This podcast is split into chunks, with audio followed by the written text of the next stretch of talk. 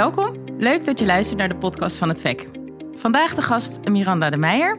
En uh, in gesprek met haar hoop ik meer te weten te komen over uh, hoe we de effectiviteit van onze VEC-samenwerking kunnen vergroten. Wat is het VEC dan precies? Het VEC staat voor Financieel Expertisecentrum. Een samenwerksverband van zeven autoriteiten gericht op versterking van de integriteit van de financiële sector. Daarmee voorkomen en bestrijden we criminele activiteiten zoals witwassen, terrorismefinanciering en corruptie. We verzamelen samen stukjes van de puzzel en dan zien we meer. Deze aflevering maakt onderdeel uit van de tweede VEC-podcastserie, waarin we inzoomen op onze meerjarige thema's. Het thema dat centraal staat in deze aflevering is integriteit.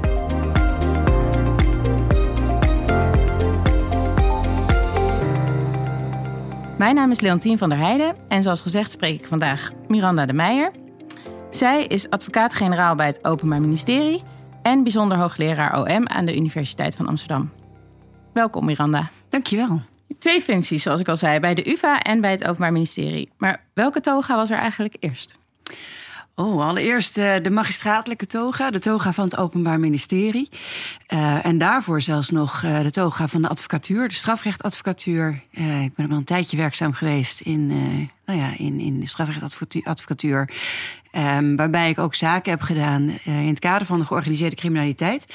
Dus dat geeft toch wel een heel uniek kijk je in de keuken aan de andere kant dan uh, de, handhavingsorganisaties. Um, maar nu al een hele tijd werkzaam bij het Openbaar Ministerie. En sinds 2008 al uh, als advocaat-generaal. En sinds 2014 bij de Universiteit van Amsterdam. Uh, waarbij de leerstoel is gericht op, op twee pijlers. Enerzijds ondermijnende criminaliteit en anderzijds beroepsethiek en integriteit. En als je dat combineert, is, gaat het om ook corruptie. Um, en in beide functies is dat een van mijn belangrijke aandachtspunten. Interessant, daar gaan we straks uh, vast nog meer over horen. Um, en die combinatie van dat hoogleraarschap en het werk bij het Openbaar Ministerie, wat, wat brengt dat jou? Nou, heel veel denk ik. Uh, en niet alleen mij. Um, ik heb altijd wel een uh, fascinatie voor de wetenschap gehad, maar ook uh, natuurlijk het Openbaar Ministerie. Dus in die zin heb ik mijn beide hobby's of passies kunnen combineren. Um, maar tegelijkertijd denk ik dat het zowel voor het Openbaar Ministerie van groot belang is om te blijven werken aan vergroten van kennis, wetenschappelijk kennis, wetenschappelijk onderzoek. Daar ook input in te hebben. Um, vragen die leven bij het Openbaar Ministerie bij de handhaving van hele complexe vraagstukken, fenomenen, om die neer te leggen uh, bij de wetenschap. En ook uh, omgekeerd. Ook de wetenschap heeft uh, input nodig vanuit de praktijk. Uh, vragen nodig waar ze zich op kunnen richten.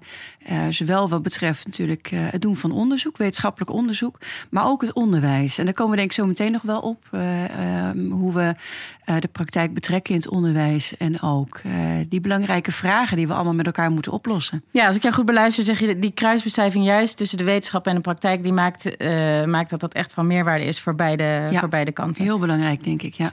En wat maakt dat jij elke dag fluitend naar je werk gaat? Oh, ja, heel veel. Ja, het is natuurlijk ontzettend leuk om van je, van je werk, uh, ja, om, om je passies uh, uit te leven in je werk. Uh, ik krijg ook ontzettend veel energie van. En zeker ook de mensen waar je samen mee werkt, in teamverband werken. de studenten, daar krijg ik ook ontzettend veel energie van. Allerlei hele ja, creatieve gedachten waar, waar ze mee komen. De vragen die zij stellen, hoe ze naar de wereld kijken. Um, en iedere keer heb ik wel het idee dat we een stapje verder komen in het uh, begrijpen van de complexe wereld. Dat geeft energie. Dat is leuk. Ja.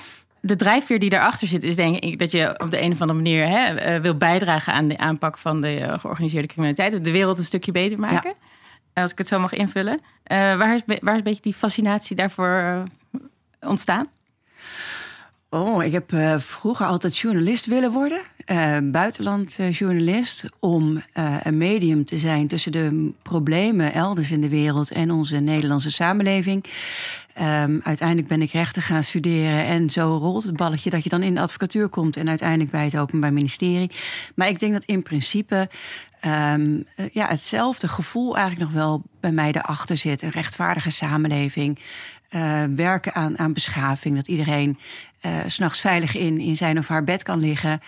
Ehm, dus eigenlijk nu tussen twee werelden, uh, ja, de, als je het zo mag uh, onderscheiden, de onderwereld en de bovenwereld, waar ik probeer om, uh, nou ja, misschien wel oplossingen aan te dragen. terwijl voorheen het misschien was in buitenlandse oorlogsgebieden en Nederlandse samenleving. Dus in die zin is dat niet heel erg veel anders, denk ik. Hm.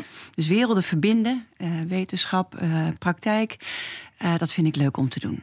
Die complexe ja, puzzels die je moet gaan leggen om dat op orde te brengen. Ja, en complex, uh, complex is het zeker. Ja. Uh, dat is ook een mooi uh, bruggetje naar het onderzoek dat jij in, in, samenwerking met enkele andere collega's hebt uitgevoerd in 2018. Um, ehm, een onderzoek naar de effectiviteit van de aanpak van criminele samenwerkingsverbanden. Ja. Wat was precies eigenlijk de aanleiding om te starten met dat onderzoek? De aanleiding was dat. Um, het, is, het, is, eigenlijk een, een, een, politieke vraag geweest. Dat de aanleiding was voor het onderzoek. Uh, enerzijds um, uh, had men de behoefte om in cijfers uitgedrukt te zien dat de aanpak van criminele samenwerkingsverbanden uh, verbeterde. Dus er was eigenlijk een soort eh, prestatiedoelstelling, een verdubbelingsdoelstelling gegeven aan onder andere het Openbaar Ministerie om dubbel zoveel criminele samenwerkingsverbanden aan te pakken. Nou, daar ligt een definitie aan ten grondslag. Wat is nou een crimineel samenwerkingsverband? Dus iedere keer als in een opsporingsonderzoek een uh, eh, CSV was aangepakt, werd dat geturfd. We hebben weer een streepje, mm werd ingevoerd, geregistreerd. Um, en dat moest uh, verhoogd worden. Want dat is natuurlijk een manier om te meten of de aanpak uh, die, we, uh, die we hadden bedacht, of die succesvol was. Nou, die verdubbelingsdoelstelling werd gehaald. het Openbaar Ministerie stelde zelfs meer dan 100 meer streepjes. Uh, maar, zei de Kamer, maar wacht eens eventjes. Als wij kijken naar het aantal vrijheidsstraffen... dan zien wij dat er niet in terug. Dus we hebben wel meer criminele samenwerkingsverbanden aangepakt. Althans, hè, jullie, OM. Um, ehm, maar we zien niet dat er meer vrijheidsstraffen zijn opgelegd. Dus dat is niet evenredig uh, gestegen. Um, nou ja, die vraag werd dan neergelegd. En natuurlijk bij, uh, bij het departement. Um, en, en die vraag kwam dan ook weer bij het WODC terecht. Um, wat natuurlijk wetenschappelijk onderzoek doet. En die vraag is uiteindelijk dan aan de wetenschap uh, uitbesteed. Uh, hoe kan dat? Ja. En hoe kan dat? Ja, dat is een hele goede uh, vraag, maar eigenlijk ook tegelijkertijd een onmogelijke vraag. Um, als je kijkt naar uh, hoe het uiteindelijk aan ons is gegeven, die opdracht, ga eens een onderzoek doen naar de effectiviteit van de aanpak van criminele samenwerkingsverbanden. Nou, kort daarvoor had uh, de minister zelfs nog in de Kamer gezegd dat dat eigenlijk niet te beantwoorden is. Die vraag zo eventjes. Leuke opdracht uh, leuke dus, opdracht, ja. ja. zeker. Dus dat was voor ons een enorme uitdaging. Um, en aanvankelijk dachten we van, jee, hoe ga je die nou eens aanvliegen? kijk, als je uh, de politieke vraag uh, bekijkt, hoe kan het, hè, verdubbeling van het aantal CSV's, maar geen verdubbeling van het aantal vrijheidsstraffen, dan kun je daar wel allerlei voor, verklaringen voor bedenken. Um, maar de vraag zoals die op tafel lag, is natuurlijk veel complexer. De effectiviteit van de aanpak van criminele samenwerkingsverbanden. Ik heb een team um, samengesteld met uh, criminologen daarin, uiteraard, juristen en criminologen. Ik ben een jurist. Um, en wat juristen natuurlijk doen, is vraagstukken ook eigenlijk taalkundig aanvliegen. Ja. Waar hebben we het dan over? Hè? Als we het hebben over de effectiviteit, wat verstaan we daar dan onder? Als we het hebben over de aanpak, wat verstaan we daaronder? En wat verstaan we onder criminele samenwerkingsverbanden? Wanneer is daar nu sprake van? Dus op die manier hebben we eigenlijk de vraag ontleed en dat hebben we verder uitgewerkt in het onderzoek. En zo kom je tot hele interessante uh, bevindingen. En, en kun je wat vertellen over die bevindingen die jullie uh, daar hebben gedaan? Ja, de, makkelijkste, uh, nou ja, makkelijk, ook, ook niet eens zo makkelijk, maar uh, de makkelijkste vraag was: wat verstaan we onder criminele samenwerkingsverbanden? En dan zie je dat die definitie in de loop der jaren is veranderd. Um, soms ook wel eens om uh, die extra streepjes te kunnen zetten. dus dat je sneller spreekt van een crimineel samenwerkingsverband, zodat je ook sneller je doelstelling kunt halen, je verdubbelingsdoelstelling. Dus dat je vaker en sneller streepjes kunt ja. zetten. Um, maar dan zie je ook dat um, verschillende organisaties die betrokken zijn bij de aanpak van criminele samenwerkingsverbanden er ook iets verschillend onder verstaan. Dus niet iedere organisatie heeft dezelfde definitie van een CSV. Mm -hmm. Maar ook binnen een organisatie, bijvoorbeeld Openbaar Ministerie, zie je dat tussen de verschillende dienstonderdelen men er anders over denkt. Uh, zelfs binnen strafrechtelijke onderzoeken denkt men anders over wat een crimineel samenwerksverband is. Dus hm. dat al aangeven van hé, hey, daar zit natuurlijk wel iets wat je met elkaar moet gaan oplossen. Ja. En, en je geeft aan dat het bij crimineel samenwerksverband is dan op zich het makkelijkste om die definitie met elkaar te bepalen. Maar als het gaat om aanpak of effectiviteit, dan wordt het al een stuk ingewikkelder. Ja. Uh, want aanpak weten wij dat dat niet alleen maar strafrechtelijke aanpak is. Dus als je zegt, hé, hey, die vrijheidsstraffen, hoe kan het nou dat dat achterblijft ten opzichte van uh, het aanpak van CSV's? Dan weten wij inmiddels dat we uh, nou ja, niet alleen de strafrechtelijke aanpak hebben, maar ook de bestuurlijke aanpak. Ja. De bestuurlijke handhaving, heel erg belangrijk in de aanpak van criminele samenwerksverbanden. We hebben de geïntegreerde aanpak. Dus eigenlijk een combinatie van. We hebben een fiscale aanpak.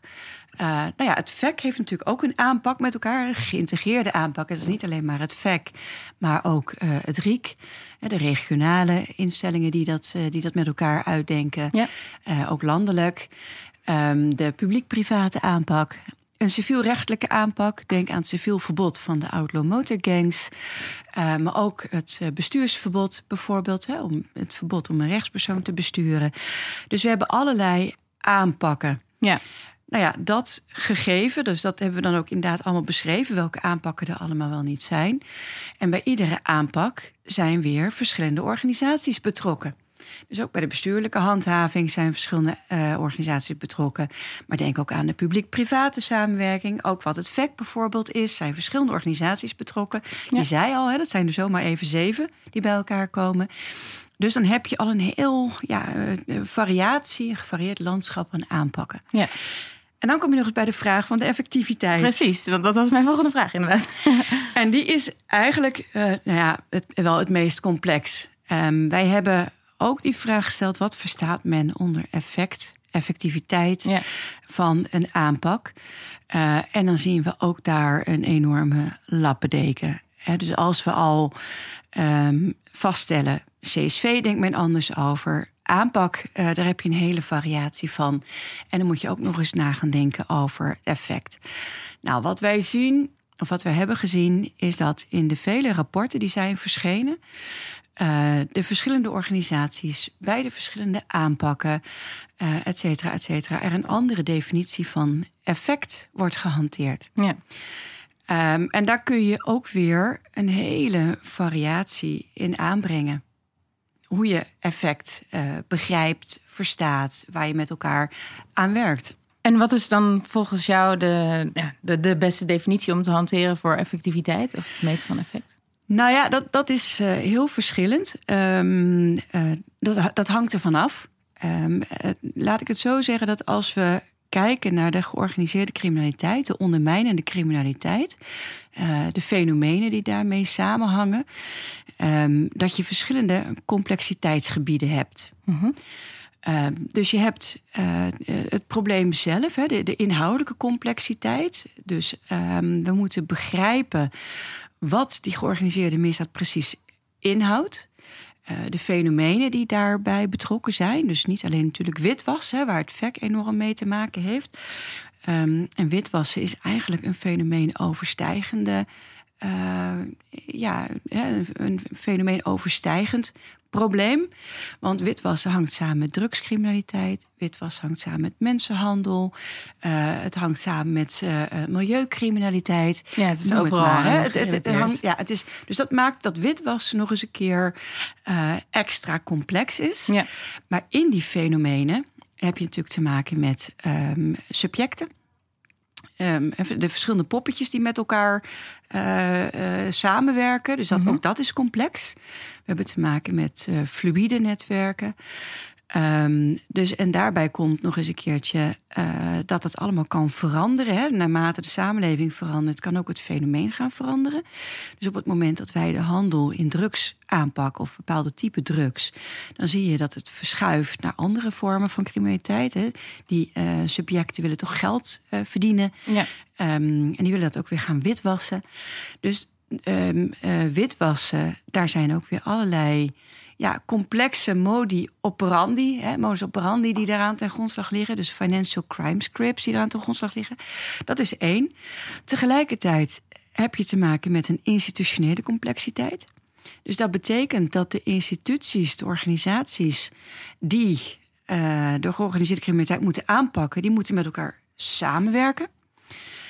Daar heb je, nou dat weet het FACT denk ik wel, dat is enorm complex. Anders mhm. zou er geen FACT bestaan. Er komen allerlei vragen aan ten grondslag. Hè. Wat voor informatie mag je met elkaar eh, delen? Um, wie werkt met wie samen? Uh, hoe gaat die samenwerking met elkaar? Uh, waar heb je um, mee te maken wat betreft doelstellingen? Uh, iedere organisatie heeft ook weer eigen doelstellingen die je moet behalen. Dus dat is ook weer een complexiteitsgebied. Dan heb je de procescomplexiteit per organisatie. Want wil jij plannen gaan bedenken, dan moet je processtrategieën hebben. Je moet procesbeschrijvingen hebben. Hoe ga je dat dan inrichten met elkaar? Welke regels heb je met elkaar uh, te maken? Welke afspraken moet je maken? Dat moet je weer op schrift stellen, want je zult verantwoording uh, moeten afleggen. Ja. En dan met betrekking tot het laatste, ja, ik ben lang aan het woord, ik weet het, het is ook heel veel. En met betrekking tot het laatste zit je eigenlijk aan de prestatiecomplexiteit, de succescomplexiteit. Waar word je op afgerekend? Wat zijn je doelen?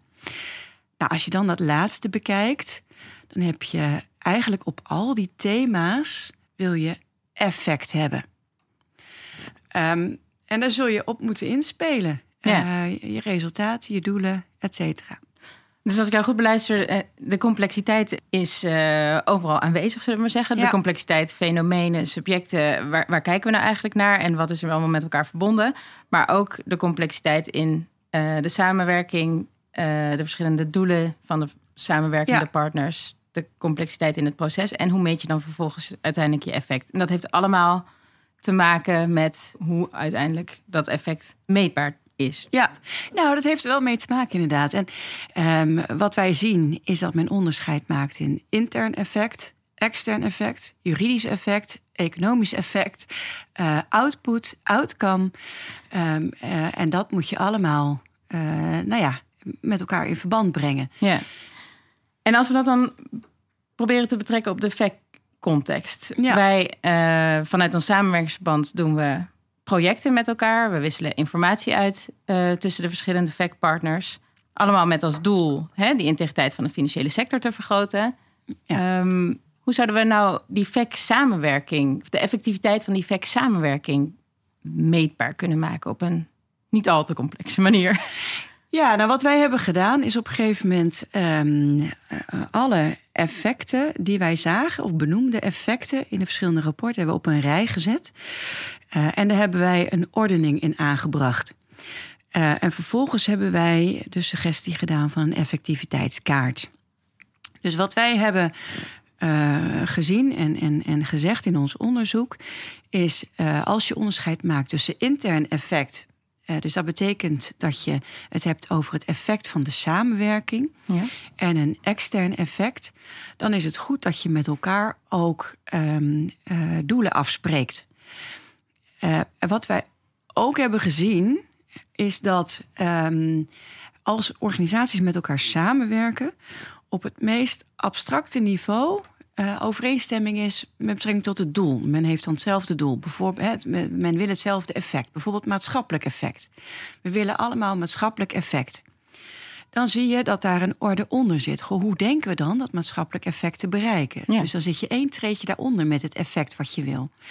Uh, en daaronder zit je weer met een nog concreter effect wat je wil. Bijvoorbeeld kwantitatieve effecten.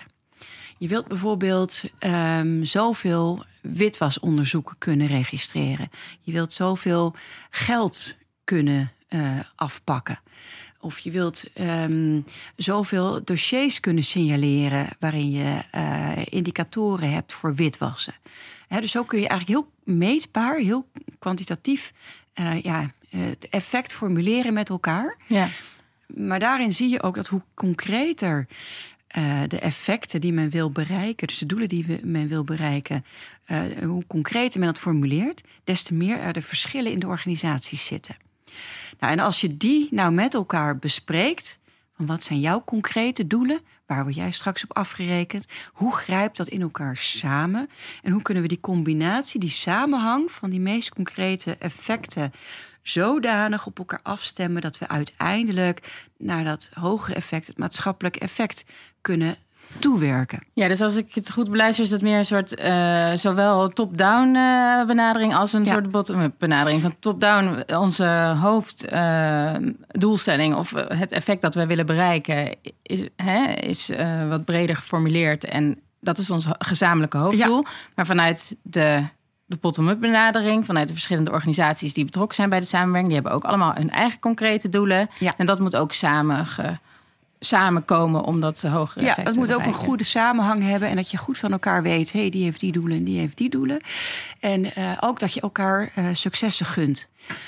Um, en dus- we, maar, we, maar we spreken nu de hele tijd over effect en over doelen en ja. over concreet en over hoog over. Maar ja. hoe, hoe verhouden die, die dingen zich tot elkaar? Want ik kan me voorstellen dat een effect niet, niet per se hetzelfde is als een doelstelling of een, of een KPI. Klopt. En dat is, dat is wel hoe men het in uh, rapporten heeft geformuleerd. Hm. Um, dus de ene vindt het behalen van een KPI een, een uh, effect. Uh, terwijl de ander hè, meer doelgericht is. We zeggen, nou, als we dat doel hebben gehaald, dan hebben we het effect bereikt. In andere rapporten zien we weer dat de samenwerking op zich een doel wordt gevonden. Maar we hebben zo goed samengewerkt, dus we hebben ons doel bereikt. Mm -hmm. dus daarin moet je gewoon veel meer afstemming zien te krijgen. dan heb je het alleen nog maar over de samenwerking van de organisaties die de georganiseerde misdaad bestrijden. Want daarnaast heb je ook nog de externe doelen. Dus hoe wil jij um, uh, effecten op de, de criminaliteit bereiken, op de ondermijnende criminaliteit? Dus naast dat je je interne effect um, wil bereiken, wil je ook nog een extern effect. Bijvoorbeeld, je wil een criminele organisatie uit elkaar spelen. Je wilt barrières opwerpen. Je wilt um, uh, je, ja, je, je, je sector wil je weerbaar maken. Ja. Ja, als ik dit probeer te vertalen naar de fact-context, zou het, hè, het eerste waar we over spraken is de effectiviteit van de samenwerking aan zich. Ja. Uh, en het, waar jij nu naartoe gaat, is meer dan de effectiviteit die we uh, willen bereiken met ons projecten bijvoorbeeld. Naar buiten toe, naar de criminelen toe. Ja, ja dus beide, ja. beide moet je eigenlijk met elkaar gaan formuleren en, en opstellen. Uh, en dat maakt het natuurlijk best ingewikkeld. Wat maakt die externe effectiviteit zo ingewikkeld? Um, nou ja, wat, wat wij ook hebben gezien, is dat um, er niet altijd goed wordt gelet op neveneffecten. de neveneffecten van interventies en interventiestrategieën. En daarmee, en met name ook de negatieve neveneffecten die kunnen worden bereikt. Um, overigens, zien we ook wel eh, intern, bij de interne uh, effecten, dus de samenwerking van instituties. Maar waar we vooral ook hebben gezien dat dat speelt, is de, de externe effecten die wil bereiken. Wat ik daarmee bedoel, en wat de meeste mensen zich, uh, waar de meeste mensen zich wel iets bij kunnen voorstellen, is een waterbedeffect. Dus op het moment dat jij een interventie bedenkt, hè, samen met andere organisaties, om een slag toe te brengen aan een crimineel netwerk, uh, dan zien wij dat uh, het effect wat je beoogt wel kan worden bereikt, maar dat het ook allerlei neveneffecten met zich kunnen meebrengen die je niet hebt beoogd of waar je niet aan hebt gedacht. Kun je daar een concreet voorbeeld van geven uit jouw praktijk? Ja, dus, de, nou, er is één heel mooi voorbeeld, een mooi uh, wetenschappelijk onderzoek die dat uh, illustreert. Uh, dat is um, een wetenschappelijk onderzoek van Peter Sloot en Paul Duin, onder andere. Die hebben aan de hand van computermodellen laten zien dat als je een crimineel netwerk hebt, dus poppetjes die met elkaar samenwerken, en je haalt daar de, de leider uit, dan is dat niet zo dat dat het criminele netwerk verzwakt. Wat wij vroeger altijd dachten, was dat uh, een crimineel netwerk een top-down structuur had. een soort Italiaanse maffia-structuur. Ja. Je hebt de, de, de, capo of de capi, die tutti capi. En als je die eenmaal pakt, dan zakt dat hele... Stort het in elkaar. Uh, ja, dan zou dat in elkaar storten. Dat is altijd het beeld wat we hebben gehad. Nou, Nederland heeft zijn eigen criminele netwerkmodellen. Uh, we zien heel veel ZZP'ers uh, fluïde netwerken, um, uh, eigenlijk hele opportunistische netwerken. hey, we hebben iemand nodig die de elektriciteit van de hennepkwekerij uh, doet. Kennen wij iemand die heel goed is in elektriciteit? Nou, die wordt er dan bijgehaald. En die zorgt ervoor dat de lampen goed kunnen werken om die planten te laten groeien, et cetera. En um, wat wij nu zien, is dat als je de leider van zo'n netwerk uithaalt, waarvan wij denken dat de leider is, dat criminele netwerken zich heel snel herstellen. Dus dat iemand anders in dat gat springt en dat ze ook nog leren van de interventie. Dus uh, ze passen zich aan. Ja. Ze beschermen zich beter tegen een, eenzelfde interventie. Dus dan hebben wij het nakijken. Het netwerk wordt eigenlijk alleen maar sterker. Wat wij ook hebben gezien is dat als je uh, die elektricien eruit haalt, of een chemicus uit een synthetisch drugsnetwerk, dat dat het netwerk even verzwakt. Dus als je maar op die facilitator blijft targeten, Ja, je kunt ook denken aan een eh, ehm, notaris, aan een, eh, iemand in de vastgoed, hè, een makelaar. eh, als je dat soort mensen eruit haalt, de specialisten, dan zien we dat het netwerk even verzwakt. Ja. Maar tegelijkertijd gaan ja, zo'n netwerk zich ook daarop proberen aan te passen. Ja. Wat je, ja, Ja, mijn, mijn vraag zou ook inderdaad ook zijn: is het niet altijd zo in criminaliteitsbestrijding dat zodra je ergens hè, op drukt of iets wegdrukt, Ja. dat het ergens anders weer oppopt? Klopt. Maar wat je dan bijvoorbeeld ziet als je die chemicus uit een, uit een synthetisch drugsnetwerk haalt, dus iemand die precies weet hoe jij een goed ecstasy-pilletje moet maken, als je die eruit haalt, dan krijg je op een gegeven moment toch de situatie dat zo'n netwerk moeite heeft om iemand te vinden die dat goed kan. Ja. En dan krijg je de knoeiers aan het werk. Dan zie je die enorme gevaarlijke drugslabs. eh, waarbij ook criminelen zelf eh, overlijden door, door chemische processen die ze inademen. Hè? Ja. Maar dat je ook troep op de markt krijgt. En dan is de vraag: ja, hoe groot is dan het gevaar voor de volksgezondheid? Als je in plaats van goede producten de slechte producten krijgt. Of in plaats van een elektricien die weet wat hij doet, een knoeier, waardoor je veel meer brandgevaar krijgt. Dus wat is dan eigenlijk je maatschappelijk effect? Ja. Eh, Je zegt eigenlijk, eh, je moet je richten op die, die schakels in die criminele netwerken die, die voor hen het meest belangrijk zijn en ook het moeilijkst te vervangen. Want dat maakt ze pas echt een beetje aan het eh, Ja. wankelen. Maar het neveneffect is vervolgens, als ze worden vervangen door iemand die dus niet goed genoeg is, eh, dan krijg je weer hele andere effecten die je eigenlijk niet beoogt met dat weghalen van die facilitator. Precies, en- Maar hoe, hoe ga je daar dan mee om? Want ja. Ja. je wil dat neveneffect niet, maar je wil wel dat netwerk aan het wankelen Ja. maken. Nou, ik, wij denken dat het belangrijk is bij het opstellen van een eh, effectiviteitskaart. Dus naast de effecten die je in je samenwerking wil bereiken, eh, je externe doelen die je wil bereiken, dat je tegelijkertijd ook nadenkt over de neveneffecten en de eventuele negatieve neveneffecten, die het uiteindelijke maatschappelijke effect juist misschien wel hè, per saldo negatief kan laten uitvallen. Dus dat je heel goed nadenkt van hoe kunnen we dat dan, dat negatieve neveneffect, ondervangen. Bijvoorbeeld door eh, jeugdigen te informeren hè, over de gevaren. Eh, zo is er bijvoorbeeld een initiatief dat er bij festivals ook een tent is opgezet. Waar je als jeugdige doorheen kan lopen, of, of een festivalbezoeker doorheen kan lopen. En eh, kan zien wat voor gevaren die troep eh, voor jou kunnen meebrengen. Ja. Maar als je het vertaalt naar bijvoorbeeld eh, de VEC, hè, waar we het hier over hebben. Als je bijvoorbeeld bedenkt dat ehm, beginnende ondernemers eh, heel moeilijk aan financiering bij banken kunnen komen. Door wellicht nou, de strakke regulering die we met elkaar eh, bedenken. Je kunt niet zomaar meer een krediet eh, krijgen. Als je dan bedenkt dat mensen zich wellicht zouden kunnen wenden tot criminele eh, geldverstrekkers. Die, die, die criminele microkredieten. Ehm, en wat dat doet met deze ondernemers, met hele hoge rentes, hè, dat zou een effect kunnen zijn. Ja. Of ondergronds eh, bankieren, Awala bankieren, et cetera. Wat natuurlijk ook weer met elkaar kan samenhangen. Ja. Dan kun je daar wellicht ook ehm, weer interventies op bedenken.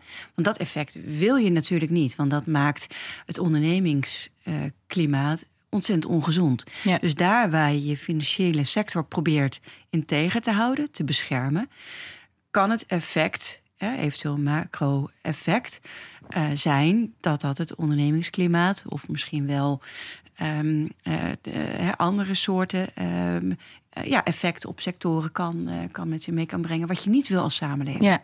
En jouw oproep is dan eigenlijk: wees je in ieder geval bewust van die neveneffecten. En denk ook op voorhand al na hoe je die neveneffecten dan weer hè, zo, kun- eh, zo klein Ja. mogelijk kunt maken. Ja, en betrek daar andere organisaties bij. Dus naast wetenschappelijke eh, instellingen, ehm, ook andere organisaties die informaties eh, verzamelen. Dus eh, cijfers en dergelijke met betrekking tot sectoren. Ja.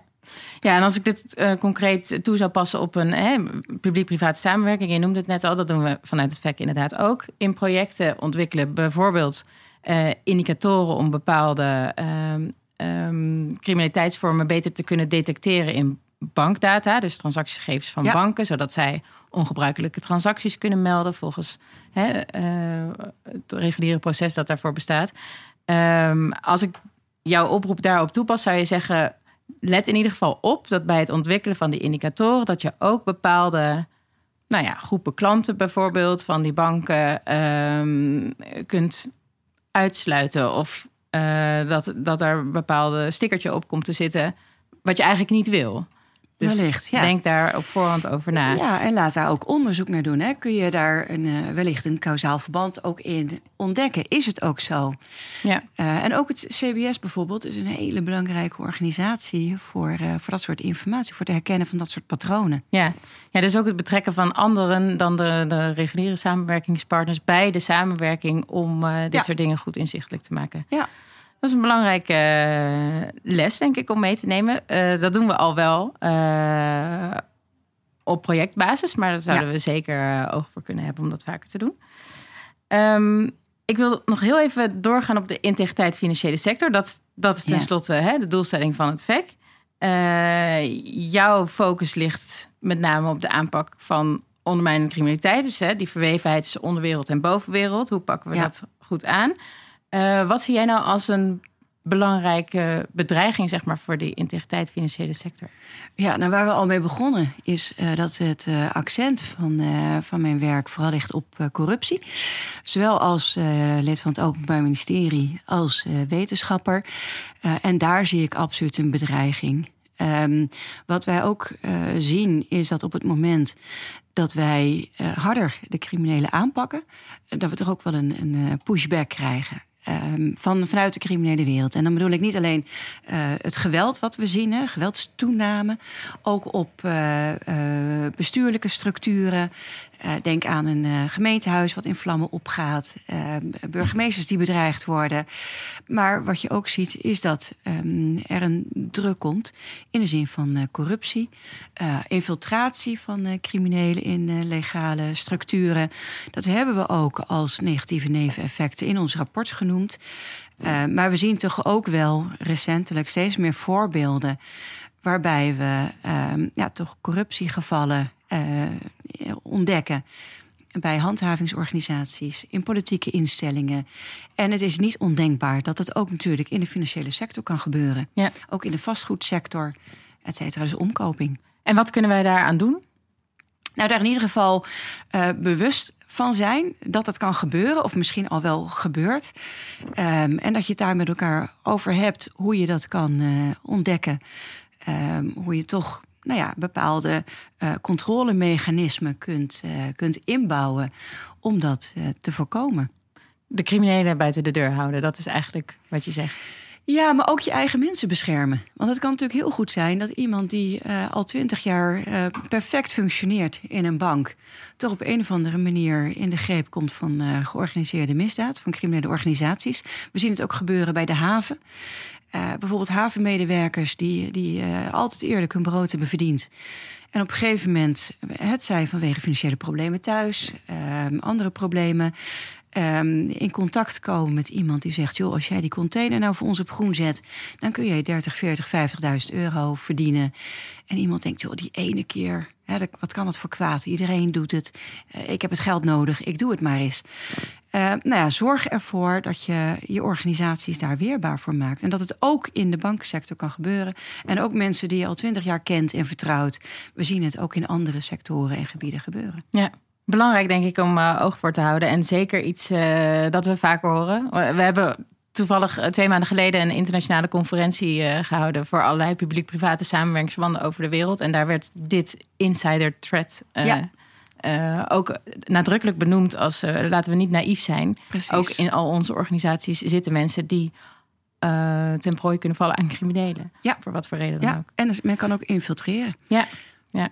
Tot slot dan de vraag: heb je nog een positieve afsluiter voor ons aan het eind van dit gesprek. Jazeker, ja. Wij zijn, uh, zoals ik in het begin al zei, uh, ook bezig om dit onderwerp te betrekken in het onderwijs. Uh, wij hebben het vak georganiseerde criminaliteit, waarbij we zo'n 120 masterstudenten klaarmaken voor de praktijk. Die gaan over een half jaar de praktijk in. en wat we deze studenten onder andere laten doen, is ehm, het schrijven van drie papers. Een eerste paper moeten ze om zich heen kijken om voedingsbodems en gelegenheidsstructuren te ontdekken in hun eigen omgeving. Bij de tweede paper moeten ze met elkaar een crimineel netwerk bedenken en zelf een uh, businessplan schrijven. En de derde paper moet gaan over een aanpak van een crimineel samenwerkingsverband. En daar komen ontzettend mooie uh, ideeën uit, hele creatieve ideeën. Uh, deze studenten zien nou ja, de ontwikkelingen in de samenleving die wij vanuit de praktijk niet altijd weer even scherp zien. Um, dus deze studenten vormen eigenlijk voor ons ook een hele mooie denktank. Schrijven prachtige papers, maar houden ons scherp. Ja. ook voor de wetenschap.